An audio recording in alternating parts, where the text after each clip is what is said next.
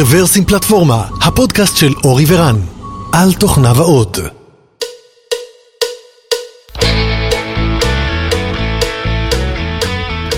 שלום רב וברוכים הבאים לפרק מספר 452 של רוורסים פלטפורמה וזהו הקרבורטור מספר 34. שלום נתי ושלום אורי. היי. אהלן אהלן. ברוכים הבאים וברוכים השבים. אה, להזכירכם קרבורטור זה, פרק, זה סדרת פרקים אה, שזה מספר 34 שלה כמובן, שבה אנחנו מארחים את אה, נתי שלום ומדברים על נושאי תשתיות, תחזיות ושטויות כאלה. ברכילויות. ונבואות. ונבואות, כן. כן, אז נתי ככה שתי מילים על עצמך ונצלול. אז נתי שלום, CTO founder של Cloudify, מתעסק באמת בעולמות של open source community, משם הכרנו. וזהו. מעולה, אז התאריך היום, לא אמרתי אותו, אבל התאריך היום הוא 20 בדצמבר 2022, ואנחנו כהרגלנו בקודש הולכים לחזות לכם את העתיד. אנחנו בעצם רוצים לדבר על כמה תחזיות בתחום של האינפרסטרקצ'ר ובעולם התוכנה, שנתי מביא איתו. אז כל שנה אנחנו עושים את זה, לפעמים אנחנו צודקים, לפעמים אנחנו... אנחנו אף פעם לא עושים רטרו. לדעת כאילו מה, זה לא משנה, כאילו. נשאיר את זה כתרגיל למאזינים. כן, זה, בואו נחשיב את זה. בלברה לא מתחקרים, זה כזה. כן, אז uh, נקווה שיהיה מעניין, אני בטוח שיהיה מעניין, uh, בין אם זה נכון או לא נכון, אני חושב שתמיד זה נושאים ששווה לדבר עליהם, uh, והדברים, המציאות איננה בינארית, בסופו של דבר שווה ללמוד את הנושאים. אז נתי. אה, האמת, כן חזינו. שהבועה תתפוצץ, אם אתה זוכר כשדיברנו על כל הנושא של הקוסט, ושכחתי את השם של הבחור, אבל אה, עשינו... בחור מ... כן, נו, נו. מיד אוסינוביץ. אוסינוביץ, כן. כן, כולנו קצת. אז...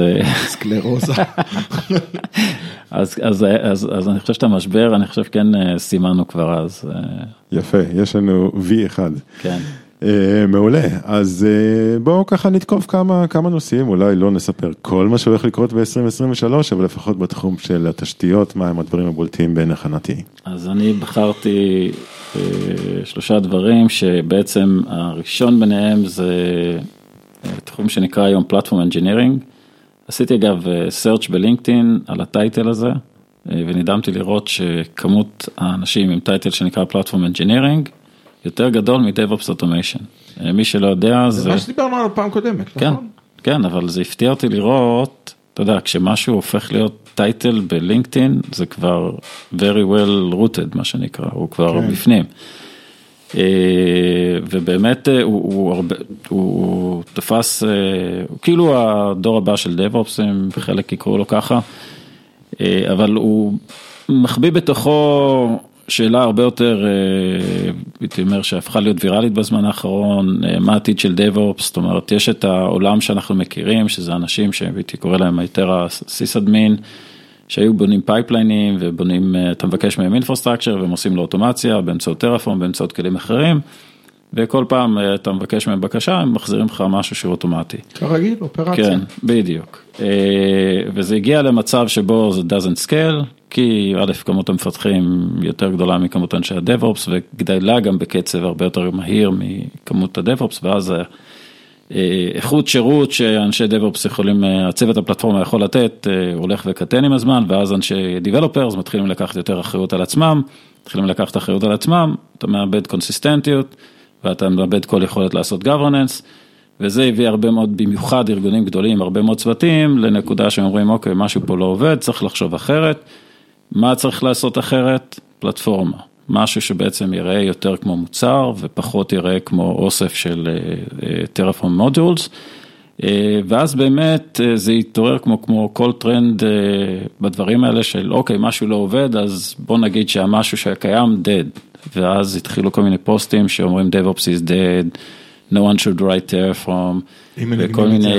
שומעים, DevOps is dead. כן, בדיוק. אז, אז, אז היה ממש בתקופה האחרונה, יצא לי לדבר גם עם לא מעט אנשים, גם אפספלייר אצלכם וגם וויקס, על החוויה שלהם עם זה, ואיך הם מתמודדים עם הטרנדים האלה ומה הם חווים. ואני חושב שבסוף, בסוף, בסוף, הסיכום שלי היה ש... עד עכשיו בעשור האחרון התרכזנו באמת באוטומציה, של infrastructure, וכל הנושא של איך Developers מתממשק לזה פשוט נזנח, פשוט, מסיבות לדעתי הגיוניות. ועכשיו כשחלק של האוטומציה עבר איזשהו maturity cycle, זאת אומרת אוקיי, קוברנטי סבבה, טרפורם סבבה, זה כבר איזשהו משהו שהוא התייצב ונהיה יותר repeatable. עכשיו נשאלת השאלה, איך אני, איך, לא, איך אני איך מנגיש את זה למפתחים ולמה הם בכלל צריכים לדעת את זה. כן, אז כל מיני שמות אחרים שאולי נתנו לזה בעבר, זה אולי platform as a service פנימי. נכון. אמרנו, דיברנו על זה שמפתחים לא צריכים לכתוב JSON או YAML ל-Kubernetes, אלא צריכים נכון. אבסטרקציה קצת יותר ידידותית בשבילם. נכון. בסדר, אז זה הנושא, אז מה... אז מה נהיה, אז, אז ככה, אז א', זה מתחיל להיות סוג של סטנדרט, ובדרך כלל אגב, באופן לא מפתיע, Kubernetes הוא המגרש משחקים המרכזי בתוך העולמות האלה. ו-Backstage של Spotify בעצם, אני חושב שהזכרנו אותו פעם קודמת, אני חושב שהיום הוא ממש נהיה סטנדרט, הייתי ב-KubeCon האחרון, זה ממש היה הדבר הכי חם פחות או יותר, כן. שני דברים היו שם חמים, DX ואני לא מדבר על security כמובן ו-shift left, אבל... DX זה Developer Experience, ו-Backstage למי שבמקרה פספס את הפרק המעולל הקודם, זה בעצם איזושהי פלטפורמה או איזשהו פורטל למפתחים, איזושהי פלטפורמה שבה המפתח מתחיל את היום שלו. ודרך האתר, סך הכל אתר אינטרנט פנימי, כמובן שיש לו הרבה דברים ככה מאחור, דרך האתר הזה הוא יכול למעשה לנהל את היום יום שלו, אם זה deployment, monitoring, servicing וכולי. נכון, ומי שעוקב אחרי החדשות, ממש בשבוע האחרון, בהקשר הזה, Backstage, סליחה, Spotify הכריזו את המוצר, הגרסה המסחרית של Backstage, שזה אני חושב הפתיע הרבה אנשים, אני כבר קצת שמעתי על זה קודם. ורציתי בנקודה השנייה של ה-prediction לגעת בחלק הזה. Spotify להגיד ש... כן. סתם טיפה של תנו לי רגע. לא, סליחה. שאם רוצים לבוא לראות איך זה עובד באמת אפשר לבוא לאוטברין לראות את זה. את Backstage? לא, את platform. אה, אוקיי, סבבה, אוקיי. אז Spotify רגע, החברה של המוזיקה, כן, זה עם הלוגו הירוק שחור הזה, אלה שגם לפעמים עושים פודקאסטים. אתם יכולים לשמוע אותנו ב-Spotify. תעשו לנו לייק. אז זאת אומרת, הם בעצם מוכרים עכשיו כלי למפתח? אז מייצרים גרסה מסחרית ל-Backstage שבעצם כרגע למשל בגרסה המסחרית, קודם כל זה חלק מ-CNCF, זה חלק מה-Kubernetes ecosystem. זה פרויקט שזכה ל-maturity cycle, והגרסה המסחרית שלהם בעצם אומרת שהם נותנים על זה support, יש על זה pluginים משלהם, עדיין לא SaaS, זו שאלה מעניינת אם הם ייתנו בכלל את זה כ-SaaS או לא, אבל הם עומדים מאחורי מוצר כזה והם נותנים על זה תמיכה. בשונה אגב מ-Netflix, שאני חושב שהמוצרים, הפרויקטים שהם הלכו עליהם, לא, לא עברו את הסייקל הזה ולא לא הלכו על זה עד כדי כך. וזה מספר 2. מספר 2 בעצם בא ואומר ש... אנחנו נתחיל לראות את ספוטיפיי לוקחת פוזיציה של שחקן שהוא הרבה יותר רציני בעולם ה-infrastructure ו-developers tools. בדומה ממה שראינו, חברת אמזון, מי שלא זוכר, התחילה כחברה של ספרים, הפכה לחברה של e-commerce ונכנסה לעולם ה-infrastructure. אני חושב של-Spotify יש אספירציות מאוד דומות. הם בתחילת הדרך, אבל אני חושב ש-Backstage יש איזושהי נקודת התחלה שאנחנו עוד כמה שנים נסתכל עליו ונראה את הנקודה הזאת כאיזשהו pivot משמעותי שהם עשו. כן, כי... אז הלוגיקה של אמזון בזמנו, לפחות כפי ש... שאני קראתי, היא שאנחנו גם ככה יודעים מאוד טוב איך לתפעל data center, גם ככה יש לנו מכונות פעילות, אנחנו גם ככה קנינו את החומרה, אנחנו לא משתמשים בזה כל הזמן, לא כל יום זה... Black Friday, ומה נעשה, אולי נמכור את החומרה הזאת למישהו באיזושהי דרך, ואז הם למעשה המציאו, או אולי, אולי, אולי לא המציאו, אבל, אבל בנו בצורה מאוד משמעותית את שוק ה-cloud. מה הלוגיקה של Spotify בתחום הזה? זאת אומרת, אנחנו הלוגיקה של שהם בנו, הרי מה הלוגיקה של Backstage הם בנו את הכלי הזה לעצמם, בדומה אגב לאיך שאמזון בנו את הכלי לאינפרסטרקציה, זאת אומרת בנו את זה כדי לנהל את החנות שלהם קודם. ואחרי זה לקוחות באו ואמרו להם, מי שמכיר, אז היום מתחרים שלהם גם, אמרו להם אנחנו רוצים גם כזה, ואז הם התחילו, ורנר ווגל התחיל לבנות מזה איזושהי ארכיטקטורה של אינפרסטרקצ'ר, ומשם פתאום יצא AWS, ואמרו אוקיי בוא נעשה מזה מוצר, והלכו על זה עד הסוף. וואי, יש פה מסביב לשולחן שלושה סיפורים שונים, אני מכיר סיפור אחר. רצינו עוד כסף. אני שמעתי... לא, לא, שזה התחיל מ-storage אה, פיזי. יש לנו מחסנים כל כך הרבה, mm. כל כך גדולים וזה, הרבה זמן הם ריקים וזה. בואו נאחסן לכם דברים ב-storage פיזי. אה, ואז אה, אמרו, אוקיי, אז אולי נעשה גם storage דיגיטלי, והתחיל S3, שהיה כן, השירות הראשון שלהם, הרבה נכון. לפני EC2. נכון.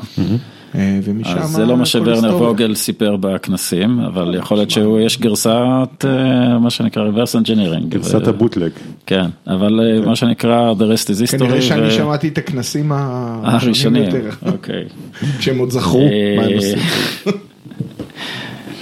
כן, אני חושב כן, שה...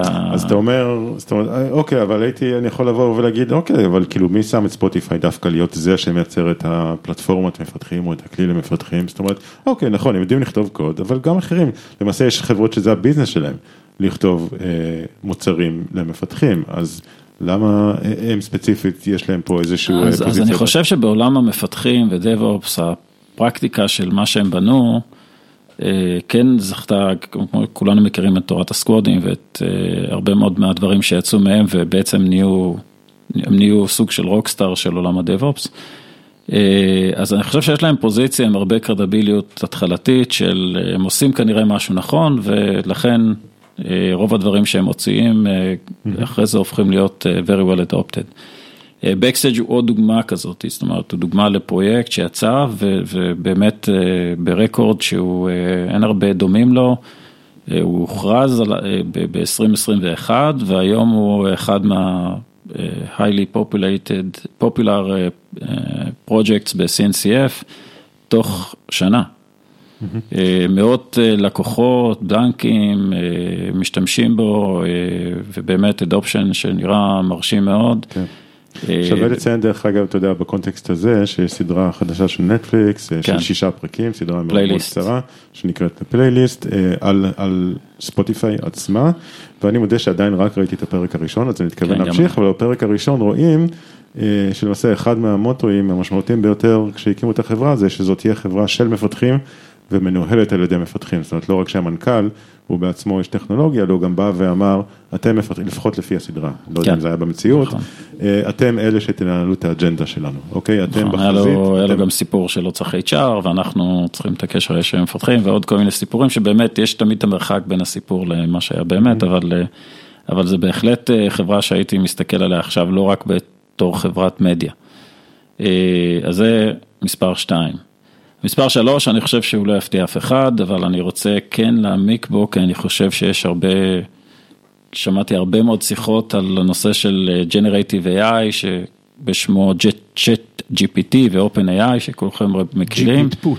ג'יפית פוט, בדיוק. אה, זה טוב. אה, ו- ו- ויש, לי לפחות היה סלט בראש, אז החלטתי לצלול ולנסות לעשות לעצמי סדר, ואמרתי, אוקיי, אם עשיתי לעצמי סדר, בטוח לאחרים זה יעזור.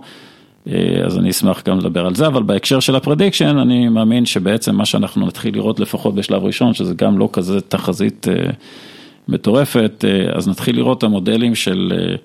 של assistant AI לצורך העניין משתלבים בתוך כלי ה-DevOps וה-Toolchain שלנו, Co-Pilot זה דוגמה כבר שמי שמכיר, מבוססת על מנוע שנקרא קודקס, שבעצם אה, הוא סוג של Code Completion שהוא מתחבר לכם לתוך ה-IDE ובעצם מאפשר בעצם למפתח אה, אה, לכתוב את הקוד הרבה יותר מהר, אם נקרא לזה ככה, אה, במקום שה-Code Completion רק ידע להשלים מילה, הוא ממש יכול להשלים סטאקים שלמים ולא צריך בהכרח ללמד אותו אה, בעצמך או מישהו אחר צריך לתכנת את הדבר הזה, הוא באמת הרבה יותר אינטליגנטי בהקשר הזה והוא כלי מדהים אגב. יש אה, יקטרגו אה, על הכלי ויאמרו שזה גם כלי שעושה אותנו יותר מטומטמים. אה, אבל אני חושב שזה נכון כמעט לכל... זהו, אז אני אדבר, אני אדבר על ה-use cases שאני שמעתי מאנשים ויש דברים שממש make sense, למשל כל הנושא של code review, אה, self-service code review, זאת אומרת כולנו יודעים איך נראה code review, זאת אומרת שבעצם יש תהליך שאנחנו בעצם עושים פוש לקוד שלנו ואז מישהו צריך לעבור עליו ולאשר אותו, הרבה פעמים אין לנו זמן באמת לעבור על הקוד בצורה איכותית ולתת עליו פידבק, בטח לא על כל commit, אז הרבה פעמים גם האיכות של ה code review הוא לא קיימת, ואם אתה ג'וניור אתה צריך את ה feedback loop הזה, אז שיהיה לך self service code review שאחריו גם מישהו עובר עליו, מאוד עוזר לתהליך, ואתה יכול להתכתב עם מישהו שיכול להגיד לך אם אתה עושה דברים נכון או לא, ועדיין צריך בקרות בדרך, אבל זה בהחלט יכול לתת ערך מוסף משמעותי ביחס למה שיש היום. אה, ואולי אפילו לקצר את התהליכים של ה-code review. כן, תראה, בוא רגע נציג את הדברים בפרספקטיבה, אם לפני זה גם ככה היינו הולכים ל Stack Overflow, מעתיקים את הקוד שם ושמים production, אז לפחות עכשיו יש קצת יותר מודרציה. נכון, אז אני לא, אני לא קונה את זה שזה עושה אותנו טיפשיים, ההפך, אני, אני מרגיש שלפחות במעט שאני השתמשתי בזה, זה פתח לי הרבה מאוד אופציות שלא הייתי חושב עליהן קודם, ו, ואני עדיין, אני יודע שאני צריך להיות on top of it, מה שנקרא, ולא... כן, אני קצת... התנסיתי והחוויה שלי היא חוויה של חוכמת ההמונים ממוכנת. כן, אה, או, שזה לא רע, מה זה גוגל? מרכז לך את חוכמת ההמונים דרך אינטרפייס אחד. גוגל הוא שער כניסה שממנו אתה מתפצל להמון מקומות. נכון. והוא פשוט לוקח את כל הדברים, מרכז לך, מנגיש לך בשפה. זה עושה בשבילך את, ה, את ה research, אוקיי? נכון. אם פעם היית צריך לקרוא ספר ולהבין איך השפה עובדת, ו, ובסופו של דבר לסנטז תוכנית בעצמך, אחר כך היית הולך לגוגל והוא היה עוזר לך ב research, אחר כך Stack Overflow, אז, אז, אז Copilot עושה עוד צעד וחוסך לך גם את ה research הזה. אז יכול להיות שהוא ייתן לך כמה דוגמאות קודם, ובסופו של דבר תצטרך להחליט מביניהם, אה, אבל הוא מקצר לך הרבה מאוד. מצד אחד זה מאוד תורם לפרודוקטיביות, מצד שני, כן. אה, זה קצת מקטין את היכולות שלך. אבל אה, אני, אני לגמרי בעד.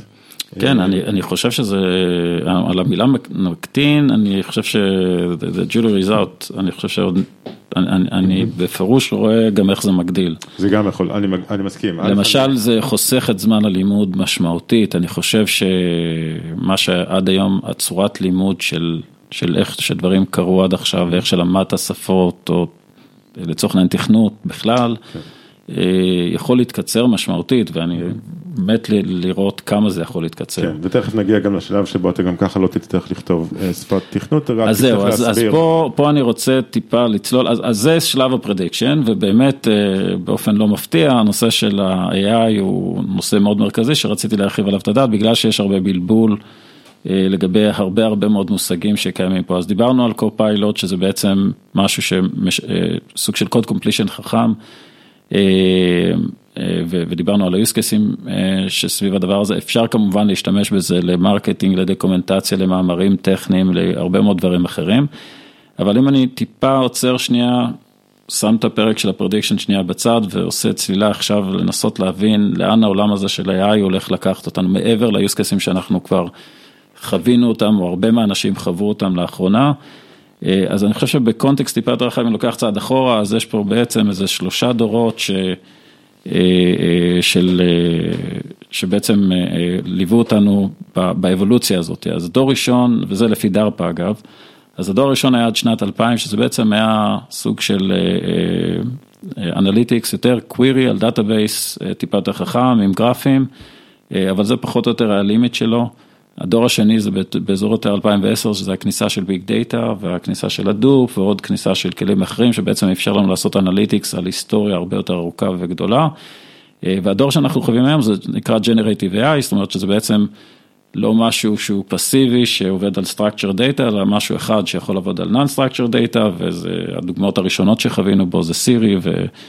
אה, ודומיהם, ואני חושב שמה שאנחנו רואים פה זה יותר אינטליגנציה, זאת אומרת יותר עומק ורזולוציה, לכמה באמת קונטקסטואל אה, המידע הזה יכול להיות, שהדבר בחוויה, מי שמכיר סירי ואחרים, זה רמת האינטראקציה. וה, וה, והיכולת באמת, למשל, כשאתה כותב קוד, לשנות את הקוד תוך כדי שיחה, והדיאלוג יהיה מאוד אינטליגנטי, אה, נראה לפחות מאוד מאוד מאוד אינטליגנטי. אני חושב, דיברנו על זה קצת בהכנה, שעד עכשיו אה, הרגשנו שה-AI צ'אטס הם בעמק המוזרויות, הם, אה, הם כאילו אתה, אתה ממש מרגיש שעומדת מולך מכונה, פה אתה יודע שעומדת מכונה. אבל היא מתנהגת כמעט כמו, היא... כן, היא ממש מרגישה כאילו זה מישהו יותר חכם ממך. ותכף נבין גם את ה, איך זה עובד קצת ואיפה הלימיט של הדבר הזה וגם מה צריך אה, לצפות מתוך הדבר הזה. אז א', GPT עומד, אה, הראשי תיבות של זה זה Generative Pre-Trained Transformer, שזה בעצם המודל של הג'נרציה הוא בעצם על ידי טרנספורמציה, זאת אומרת בעצם איזשהו תהליך שלוקח אינפוט של טקסט, יודע בעצם לייצר ממנו output על בסיס הרבה מאוד דאטה שהוא למד. ולקבל פידבק לופ שבעצם כל הזמן עוזר לו לתקן את עצמו ולאפשר לו באמת להוציא כל פעם תוצאות יותר ויותר מדויקות על הסוג שאלה שבעצם הוא נשאל. במקרה של צ'אט GPT היו שלושה דורות של 1, 2, 3 והיום אנחנו נמצאים ב... שכחתי איך זה נקרא אינטראקטיב, הגרסה האחרונה.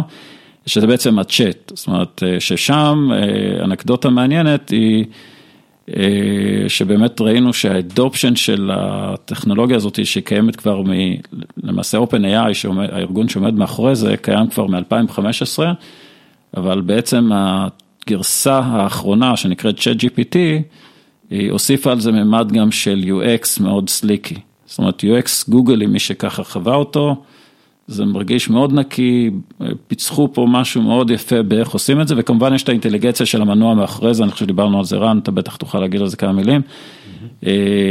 אבל באמת אם אנחנו מסתכלים, שמעתי גם את השיחה של סם אלטמן, שזה ה-CEO של OpenAI, ואני לא יודע איך לאיית את השם שלו, וויג'יק, היה לו פודקאסט עם לקס פירדמן, גם מאוד מעניין. בתחום שהסביר באמת את האבולוציה של, האבולוציה והאתגרים באמת בפיתוח של ChatGPT ואיך הביאו אותו לתוך הפריימבורק הזה ואנחנו נחלוק את הרפרנס הזה, אני חושב ששווה מאוד לראות את זה, אבל אני חושב שהאנקדוטה המעניינת זה גם החיבור של UX לתוך, ה, לתוך הטכנולוגיה וכמה UX היה נקודה מאוד קריטית באבולוציה של הטכנולוגיה ובהנגשה שלה לכמות כזאת של אנשים, מיליון איש תוך מיליון משתמשים תוך חמישה ימים, שזה שיא שעבר גם את, את כל הדוגמאות שאנחנו מכירים, גם מספוטיפיי וגם מאינסטגרם, שזה היו הכלים שזכו לאדופשן מאוד גבוה, וזה נקודה שככה מתחברת לנו לנושא ה-UX שדיברנו עליו קודם. כן, אני חושב שיש פה כמה דברים מעניינים, זאת אומרת, אחד זה קפיצת מדרגה מדעית, טכנולוגית מדהימה. הם עוד לא פרסמו איך, איך זה בנוי מבחינת, בדרך כלל מה שמעניין זה מספר הפרמטרים. נכון. אז אנחנו יודעים שמספר הפרמטרים של צ'אט GPT, שלכאורה מתבסס על משהו שנקרא GPT 3.5, או משהו כזה, זאת אומרת באמצע הדרך ל-GPT 4 שצריך לצאת מתישהו, אנחנו יודעים שמספר הפרמטרים שלו הוא גדול בהרבה מאלה של GPT 3, ו... בעולם של ג'נרטיב או של language models, מספר הפרמטרים זה, כנראה שכרגע בעולם הזה הגודל זה כל מה שקובע, הגודל וגודל הדאטה, אבל מעבר לזה הם באמת גם באו וייצרו user interface מאוד יפה, שהולם, שהולם את הסיטואציה, וזה גורם לך לשאול, אוקיי, אז איזה עוד user interfaces אחרים? אפשר לייצר מעל טכנולוגיה כזו או... תראה, דלי. נכון, אז דלי 2 זה דוגמה לזה, ויש גם מודלי, מודלי ג'נרות תמונות מסוגים אחרים, השבוע גם יצא מודל יפה מאוד לג'נרות של וידאו, וגם גוגל וגם פייסבוק מתחרים בתחום הזה. מעניין אבל כמה מהגל הזה של האדופשן לא הגיע לפני זה מדלי, כי היה הרבה... שיח. אני, אני שמעתי על זה ממש כשזה יצא. שמה, כש...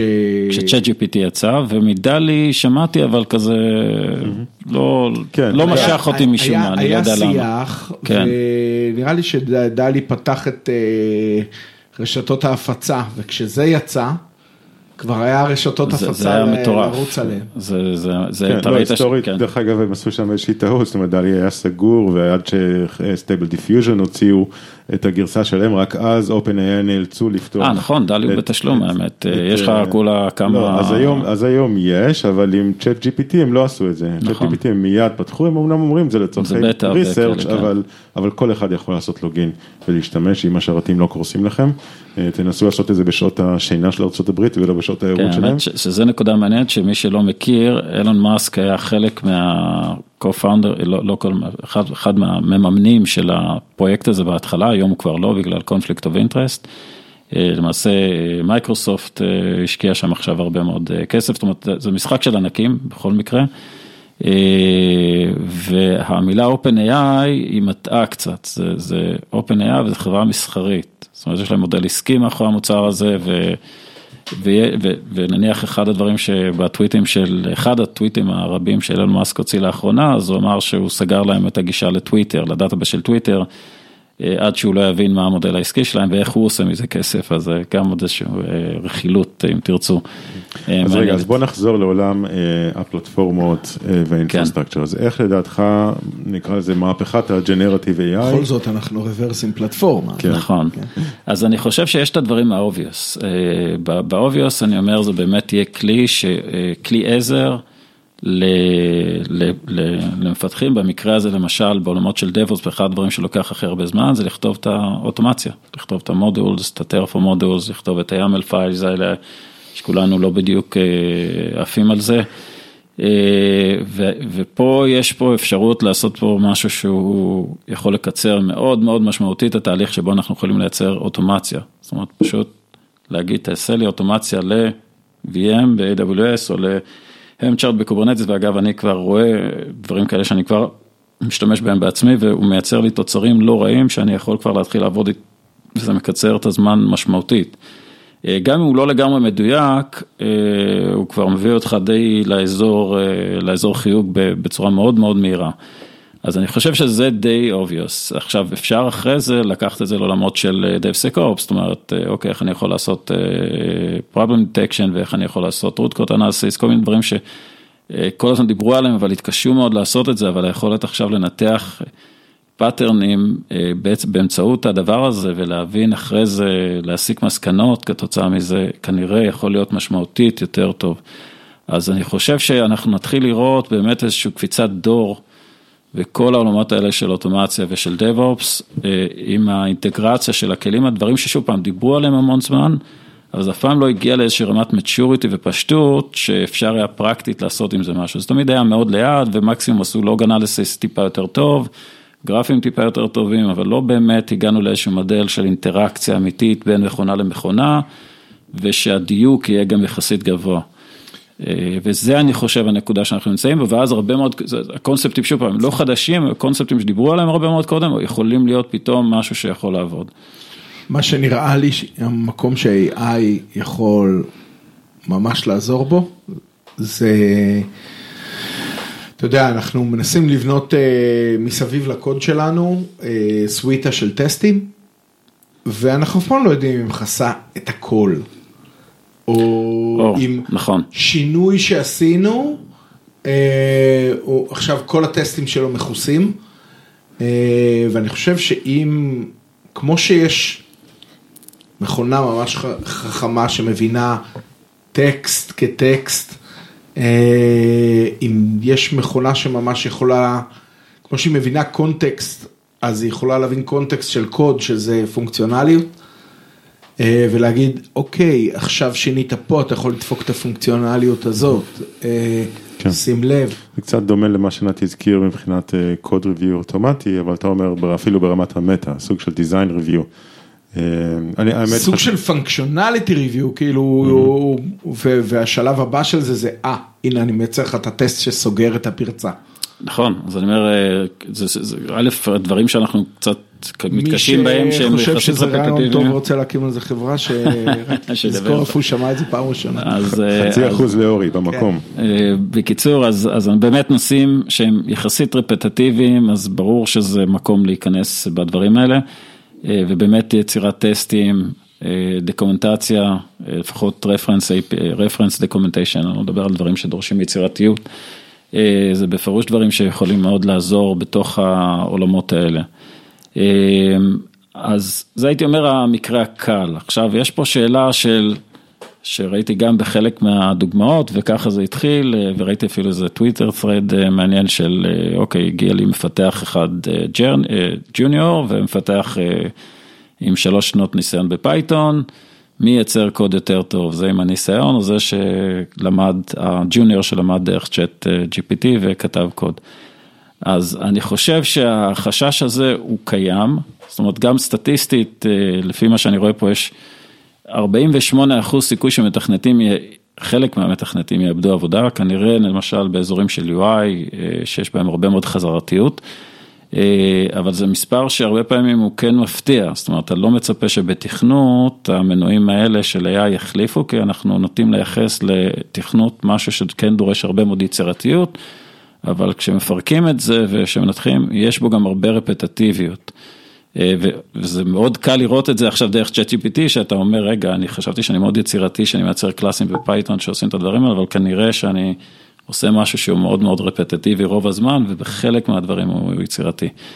אה, אז אה, באופן כללי, the rule of thumb is דברים שהם מאוד יצירתיים, ישרדו את הגל הזה ויישארו עוד הרבה מאוד זמן, דברים שהם יותר רפטטיביים, יקבלו את ה... יזכו לאוטומציה, כמובן שעובדי טלמרקטינג הם ב-99% כבר שמה. אה, ותכנות ב-48 אחוז, כי פשוט אני חושב שזה, שגם להגיד את המילה תכנות זה, זה מושג מאוד רחב, אה, ויש עוד הרבה מאוד תחומים שלא, אה, שלא ייכנסו לתוך הפריזמה הזאת. Mm-hmm. עם זה, אני חושב שיש פה משהו שהוא בעיניי סופר מאתגר, וכולנו חווים אותו וחווינו אותו כבר בתקופה של הקורונה, וכבר ב... ב בבחירות ובכל מי שזכה, בין אם זה בארץ, בין אם זה בארצות הברית, וזה כל הנושא של היכולת לזהות פייק אה, ולזהות תכנים. עכשיו, יש פה באגים באלגוריתם שככה נתקלתי בכמה דוגמאות שאפשר אפילו לראות אותם. אה, תנסו אה, לשאול את ChatGPT אם מספר 837 הוא, הוא ראשוני או לא, ואתם תראו שהתשובה לא נכונה, אני כבר מקצר לכם. רגע, הוא ראשוני או לא? הוא ראשוני, הוא לא. הוא לא. יגיד שכן והוא לא. אוקיי. אה, אז אתה אומר, היכולת אה, בעצם כלים כאלה... הוא לא ממש מבין, אה, הבעיה היא, וזה בדיוק התכונה של פייק, אוקיי? הוא לא באמת מבין במה שהוא, בתוצאות שהוא נראה, הוא נראה כאילו אתה מדבר עם בן אדם סופר אינטליגנטי וכריזמטי, והוא גם מאוד מאוד משכנע. דוגמה אחרת ששמעתי עליה זה האם אפשר אה, לפתור סרטן ב... על ידי שאני אוכל זכוכית. אז הוא יענה על זה בצורה מאוד אינטליגנטית. תגדיר פתרון.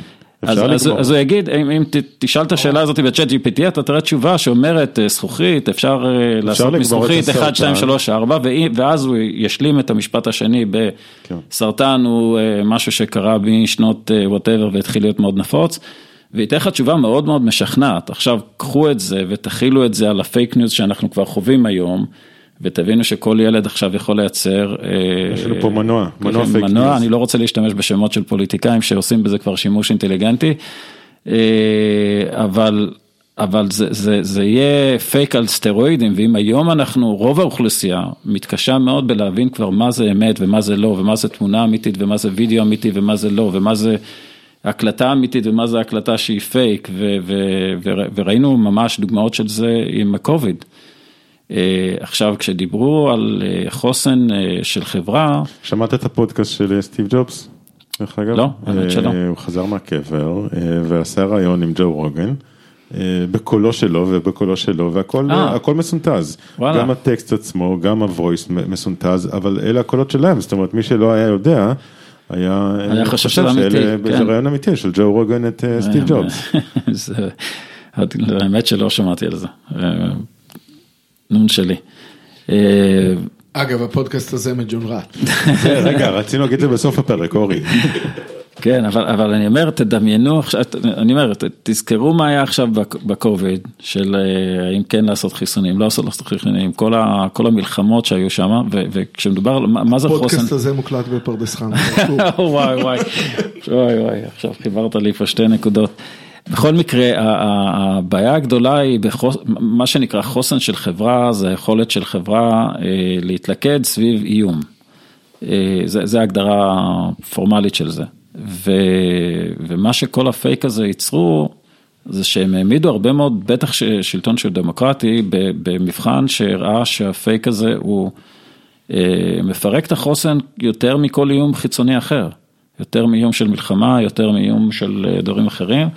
ועכשיו אה, תדמיינו שמדינות, חברות, אה, שוב פעם, ההנגשה של היכולת לעשות דיפ פייק ופייקים שהם ממש בלתי ניתנים לחיזוי ולזיהוי, הוא על סטרואידים. ואני לא, לא יודע אם, כמעט תמיד הקצב שבו ההגנה תתחיל לקרות, שיתחילו לזהות מה זה פייק ומה זה לא, ולהתריע על כאלה דברים. אני חושב שזה כבר לא יגיע, ויש פה באמת סכנה אמיתית לסדר העולמי אפילו, הייתי אומר, בהקשר הזה. נדרש פה עולם חדש של מוצרי security ל-AI. לגמרי, לגמרי, אני חושב שמי שהצליח לפצח את היכולת לזהות פייק ב real time ולתת על זה ניקוד, ועכשיו תחשבו על זה, היה הרבה, מי שיצא לו לעקוב גם אחרי הפוליטיקה של טוויטר וכל מה שאילון מאסק עושה שם, אז נפתח ה database של טוויטר ועל מה הם עושים tagging ועל מה הם לא עושים tagging ועל מה הם... באיזה מדיניות הם החליטו דרכה, כן, להחליט מתי מישהו לא להפיץ את הטוויט שלו ומתי כן לפרסם את הטוויט שלו. זו הייתה מדיניות שהייתה סגורה בתוך טוויטר והם החליטו לפי, שוב פעם, אני מניח שלא היה להם כוונות זדון, אבל הם עשו איזשהו שיקול דעת. עכשיו, כשההחלטות האלה יש להם השפעה בסוף של למי תצביע ולמי לא, או לצורך העניין, כן לקחת חיסונים, לא לקחת חיסונים, או, איומים אחרים, כן לצאת למלחמה, לא לצאת למלחמה, כל מיני דברים כאלה, זה, זה יכול להיות הרי אסון. ואז אתה צריך ממש פתאום לראות איך אני בונה אלגוריתמים, ולא רק חוקים, זאת אומרת, ממש החוקים צריכים להיות אלגוריתמים שאומרים ככה מחליטים, וככה המדיניות של הסלקציה צריכה להיות, וככה המודרציה צריכה להיות. מעניין איזה אחריות לוקחים על עצמם התאגידים שמייצרים את הטכנולוגיות. אז זהו, אז אני אומר, היום אין שום רגולציה על זה. כן, לכן אפשר לשאול את זה גם על מכוניות אוטונומיות, זאת אומרת, הנושא הזה הוא בשיחה, אבל הוא לא פתור, זאת אומרת, איזה אחריות יש לוולבו על מכונית אוטונומית שעשתה תאונה. האיחוד האירופי יחסית מתקדם בדברים האלה, אבל אנחנו עדיין לא שם.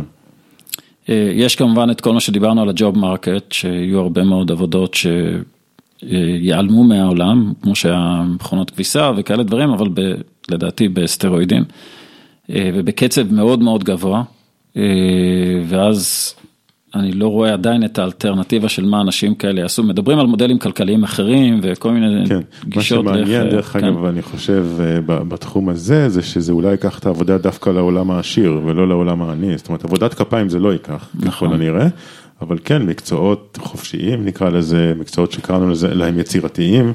כמו קופירייטינג ומתכנתים ומעצבים, אותם יכול להיות שהוא כן ייקח. אפילו רופא משפחה, אני יכול לחשוב על זה שלתת מרשם לתרופה, על איזה דיאגנוזה מוזרה. זאת אומרת, אפשר, אפשר ללכת עם זה למקומות רחוקים, והאמת שזה די מגיע הרבה יותר מהר ממה שחשבתי אפילו שזה יגיע. התרחקנו מ DevOps, מה עם DevOps? זהו, אני חוזר לזה עוד שנייה. אז, אז אני אומר, ב, ב, יש פה הרבה מאוד שאלות שהן בגדר הפוליטי, פילוסופי, חיים, שאנחנו עכשיו מתחילים לגעת בזה, נוח הררי דיבר על זה בשנה שעברה לא מעט, על ה-code of conduct וזה שבגלל שבעצם יש עכשיו הרבה מאוד כוח, מי שלא מכיר אז הדוגמה שהוא נתן זה כשרופא לומד רפואה אז חלק מהשבועת הרופאים וחלק מה-code of conduct זה חלק מהסרטיפיקציה שהוא מקבל. ומה שהוא אומר זה שלמתכנתים בעולמות של AI יש הרבה יותר כוח אלוהי כזה שלכאורה היה לרופא כל הזמן. מאשר לרופא, ואז בעצם איך אנחנו מכניסים את ה-code of conduct הזה גם למפתחים, ואיך... שבועת היפוקרטיס למפתחים. ממש ככה, כן. אז זה חזרה לעולם ה-DevOps, זה איך באמת מכניסים את ה-code of conduct למפתחים. נקודה אחרת, קצת יותר בצד הטכני, לאן היה איזה עוד מתפתח, כי יש כאלה שיבואו ויגידו, ChatGPT חסום, יש לו תקרת זכוכית, הוא לא באמת יביא למהפכה עד כדי כך. אגב, הוא כבר אכל אותה בשביל למנוע סרטן. נכון, אז עלינו עליו. אבל יש שם עדיין כמה מגבלות וחלקם ידרש, ידרשו מודלים אחרים כנראה, שאני מעריך שיתפתחו, למשל טיפול בטקסטים ארוכים, זאת אומרת ככל שהטקסט הוא יותר ארוך אז רואים שה... הקונטקסט, הקונטקסטיאליות, לא יודע איך להגיד את זה בעברית, הולכת, ההקשר, בדיוק, מאוד קשה לראות את ההקשר, גם יש בעיה של כמות העיבוד שהיום, בגלל כמות הפרמטרים שנדרשים לאלגוריתמים האלה של ה-Deep Learning, אז, אז עדיין כוח העיבוד הוא מאוד מאוד גדול, ו, ו, ובשני המקומות האלה אני חושב שמצפים אחד שאפשר יהיה לעשות חלק מהאלגוריתמים האלה עם פחות דאטה ועם יותר דאטה מדויק ועם פחות דאטה וככה להתגבר על חלק מהחסמים האלה. הדבר השני שאני חושב שהוא, דיברו עליו גם, אולי זה יהיה נכון ל-chat GPT 4, זה multi-modal, זאת אומרת שבעצם תוכל לשלב בין DALL-E לבין צ'אט. ובעצם לשלוח תמונה ולעשות עליה, ולדבר עם התמונה ולקבל בסוף תוצאה שהיא משולבת של טקסט ותמונה. אז זה איזושהי אבולוציה שגם שמעתי שמסתכלים עליה בהקשר של לאן, לאן הדבר הזה הולך. יש עוד כמה מנועים שאני חושב יש את גלקטיקה של מטא, מי ששמע, שזה באמת נועד יותר למאמרים סיינטיפיים, מדעיים, וזה כן מתמודד באופן מעניין עם יחסית פחות דאטה ומסוגל לייצר יחסית תוכן ארוך או גדול יותר. וזה אני חושב כמה דברים שאני חושב שהם די בולטים ובשורט-טרם של לאן ה-AI כנראה ילך בשנה הקרובה או בשנתיים הקרובות. בסדר.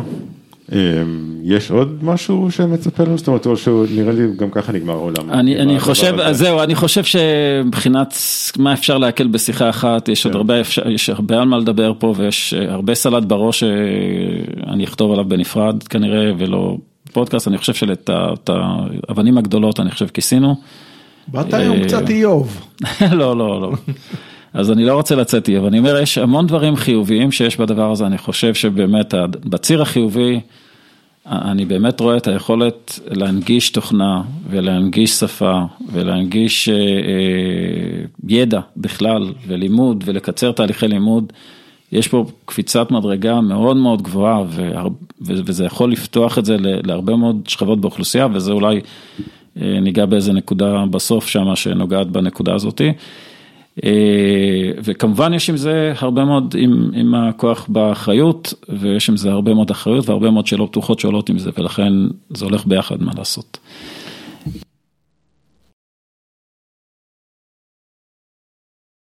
יכולת לייצר מה שנקרא מוביליות חברתית, שזה משהו שיכול מאוד לשפר את אחד הדברים שרוב החברות הדמוקרטיות לא מצליחות לעשות, שזה בעצם הניוד אנשים ממעמד נמוך למעמד גבוה והפוך. צמצום פערים. צמצום פערים, סיסמה ששמענו אותה הרבה, אבל בפועל. אז רק הקונטקסט הכתבה שפורסמה, אז באה וטענה את ההפך. כלכליסט, נכון. היא טענה את ההפך, היא טענה שבגדול אם יש לך הורים עשירים אתה תהיה עשיר, זאת אומרת אם אתה מגיע מהייטק אז גם הילדים שלך יגיעו מהייטק ואם אתה לא.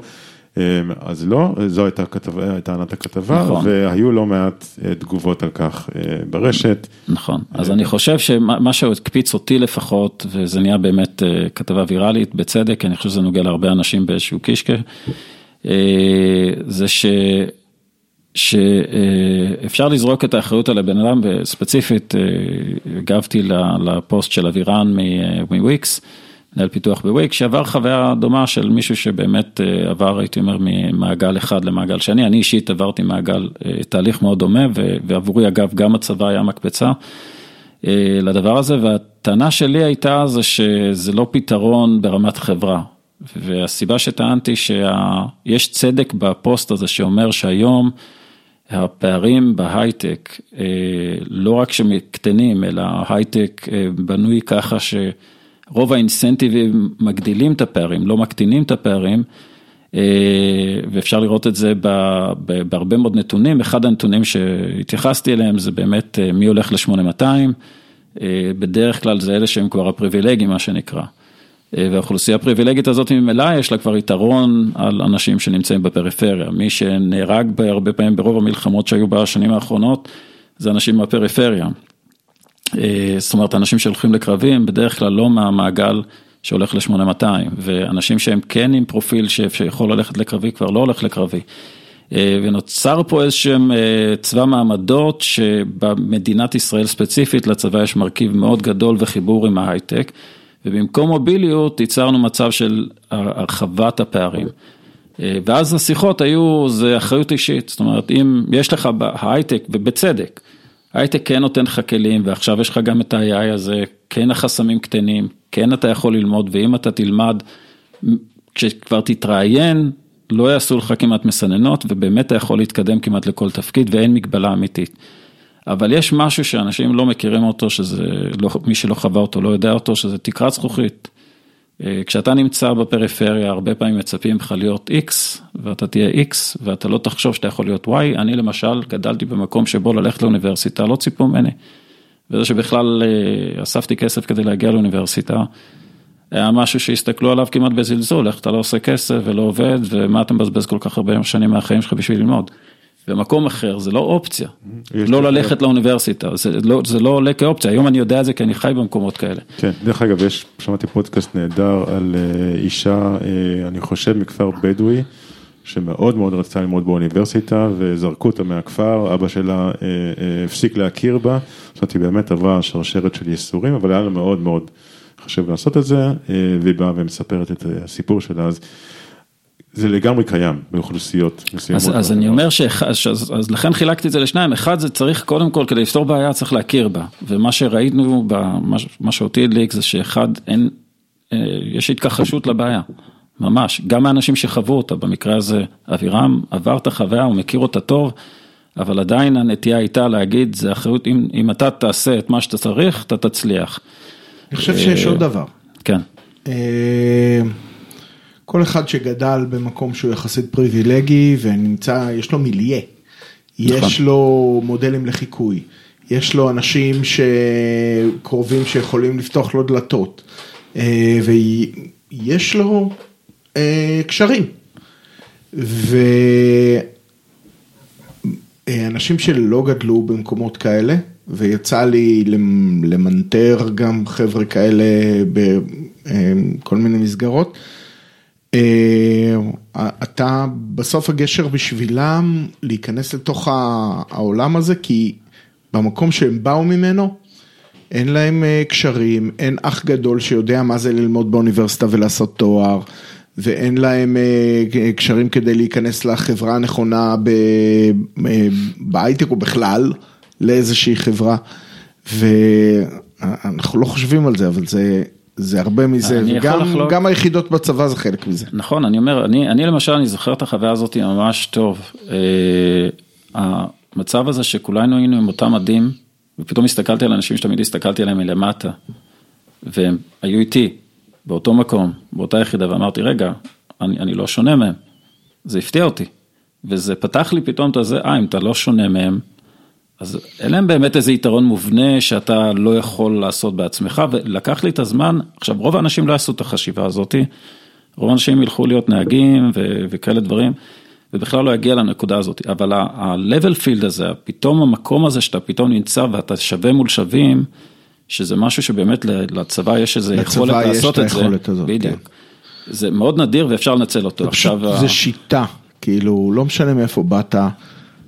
מרסקים את כולם ביום הראשון, בשבוע כן, הראשון של הטירונות לאותו לבל. אני, אני נותן הרבה מאוד קרדיט לצבא ב, ב, ב, במקרה שלי האישי, ביכולת בכלל לעשות את הקפיצה הזאת ולהבין שהתקרת זכוכית היא לא מה שהכתיבו לי, אלא יכולה להיות הרבה יותר גבוהה.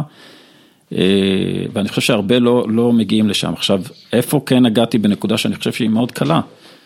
אה, מה אני כן רואה בהייטק, ואתה מכיר את זה טוב, וכולנו מכירים את זה טוב, זה ההייטק רגיל לעשות מוביליות. זאת אומרת, מיקור חוץ, זה האם אימא של המוביליות זה בכל, בסטרואידים.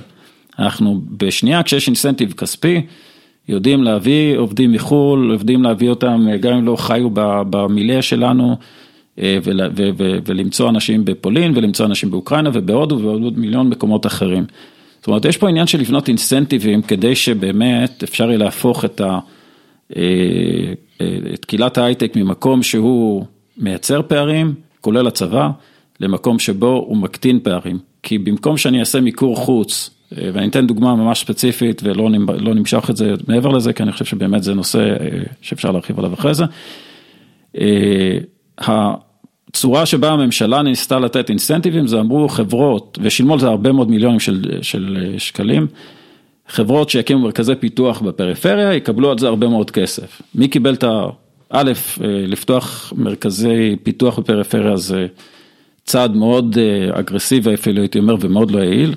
ושתיים, רוב החברות שקיבלו את זה, זה חברות מאוד גדולות שבינינו לא באמת בנו מרכזי פיתוח ולא באמת גייסו שם עובדים. אה, אבל לעומת זאת, אם היו מסתכלים על זה כמו מיקור חוץ ואומרים, אם אתם תגייסו עובדים, לא מרכזי פיתוח, זה לא משנה, היום במיוחד כשעובדים גם מהבית, זה לא כזה משנה איפה הבן אדם נמצא. אה, אבל תגייסו את העובדים מחו"ל, ניתן לכם הטבות במס, אה, סליחה, מפריפריה, וניתן לכם הטבות במס, או לחילופין, נעזור במימון של ההכשרה שלו, או כל מיני אינסנטיבים כאלה, אז אני בטוח שבאופן אוטומטי אתה תראה חברות שמגייסות יותר אנשים בפריפריה. בדיוק כמו שהם מגייסים בפולין, ובדיוק כמו שהם מגייסים במקומות אחרים, כי הם כבר עושים את זה. אה, ולכן זה כן עניין של מדיניות וכן עניין של אינסנטיבים. וכן לתת לצבא אתגר של אה, כמו שהוא היום אה, מגייס בנות לקרבי ועובד כדי שזה יקרה, והוא לא בא ואומר, אה, לא, מערכת החינוך לא פתרה את זה, אז אני לא אתעסק עם זה. כן גם לתת אינסנטיבים לצבא של להגיד, אוקיי, חלק, מה, חלק מהאנשים שאתה צריך לבוא זה אנשים שעוברים הכשרה, ולא רק מי שכבר הוכשר לזה בתיכון והיה פריבילגי וקיבל את כל ההכשרה הזאת מראש. אז אפשר, אפשר להסתכל על זה, אפשר להפוך את ההייטק לדעתי לקטר, אני חושב שבחיבור לפודקאסט שאמרנו, יש הרבה מאוד אנייבלרים אה, טכנולוגיים כמו AI וכמו JetGPT וכמו כל הדברים שדיברנו שעוד יותר אפילו מורידים את החסמי כניסה ועוד יותר מאפשרים את זה וזהו. אז אנחנו נסיים בזה, זה נושא באמת מאוד אה, חם אה, ואני אתעסק בו עוד הרבה אחרי, אבל רציתי כן. לסיים בזה ולחבר את זה גם לאיזשהו עוגן חברתי. וכנציגי הקרביים פה, אז חשוב להגיד לכל הבוגרי היחידות הקרביות, הייטק מת עליכם. אני ממש שמח ש... כן, אני ממש שמח שאתה אומר את זה, כי יש עכשיו את ה... אתה יודע, הטובים לסייבר, אז זה קצת עשה איזה... זה, אני חושב שיש איכויות.